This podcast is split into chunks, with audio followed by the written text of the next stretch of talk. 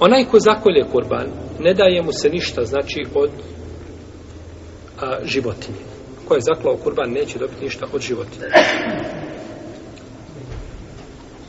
Dozvoljeno je čovjeku da mu da od sebe nešto, da mu plati, znači daš mu za njegovu uslugu, 10, 15, 20 maraka, zavisno koliko je, jeli, usluga što je zaklao kurban i što ga je oderao i, i pripremio ga, znači, jeli, za za kuhanje, na primjer.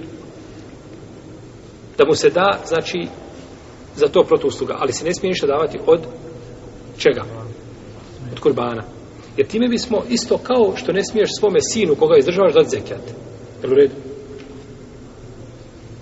Kazali smo zadnji put, isto kao čovjek koji se zavituje, ja Allahu se zavitujem da ću zaklati jeli, žrtvu zavjetuje se, znači, na, na, na, na klanje žrtve siromasima, može li on jesto toga? Kazali smo što da?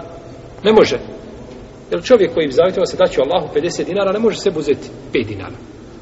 Ti se zavjetuje Allahu 50, moraš da znači dati 50, a ne možeš uzeti 50, uzeti sebi. Uzeti sebi, znači, ništa. Kaže Alija radijallahu ta'ala anhu, naredio mi je poslanik sallallahu sallam da a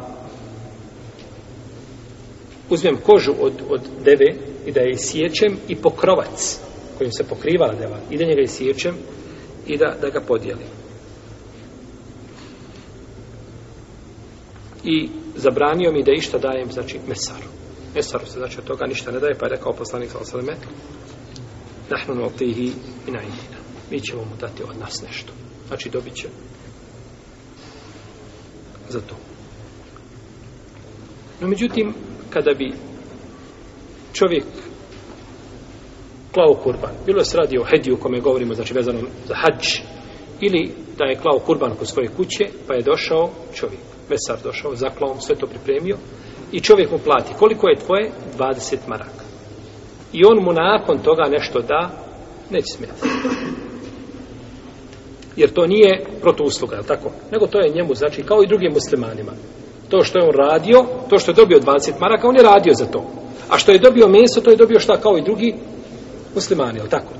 Tako znači da bi s te strane bilo dozvoljeno. A, osim što ovdje može postojati jedan problem. A to je da čovjek kad već dolazi očekuje to. Tu se može napraviti problem. Da to već očekuje. Kao na primjer kada ti pozajmiš svojom bratu muslimanu 100 maraka. I on nakon dva mjeseca dođe, kaže, stvarno, znači, ti 100 maraka mi je više značilo tada, nego što mi sada znači hiljada. Evo ti 120. Tebi nema smetnje da to prihvatiš. Ali problem nastaje da se to pojavi u jednom društvu i da to bude jedna vahira, jedna pojava koja se praktikuje i onda svako kome daš par, da mu pare, kaže, ha, evo ti 100 maraka. Bismillah. I već mu nagovještava nečim šta. Boji se Allah i kada budeš vraćao vrati, bolje nego što si dao. To je kamata.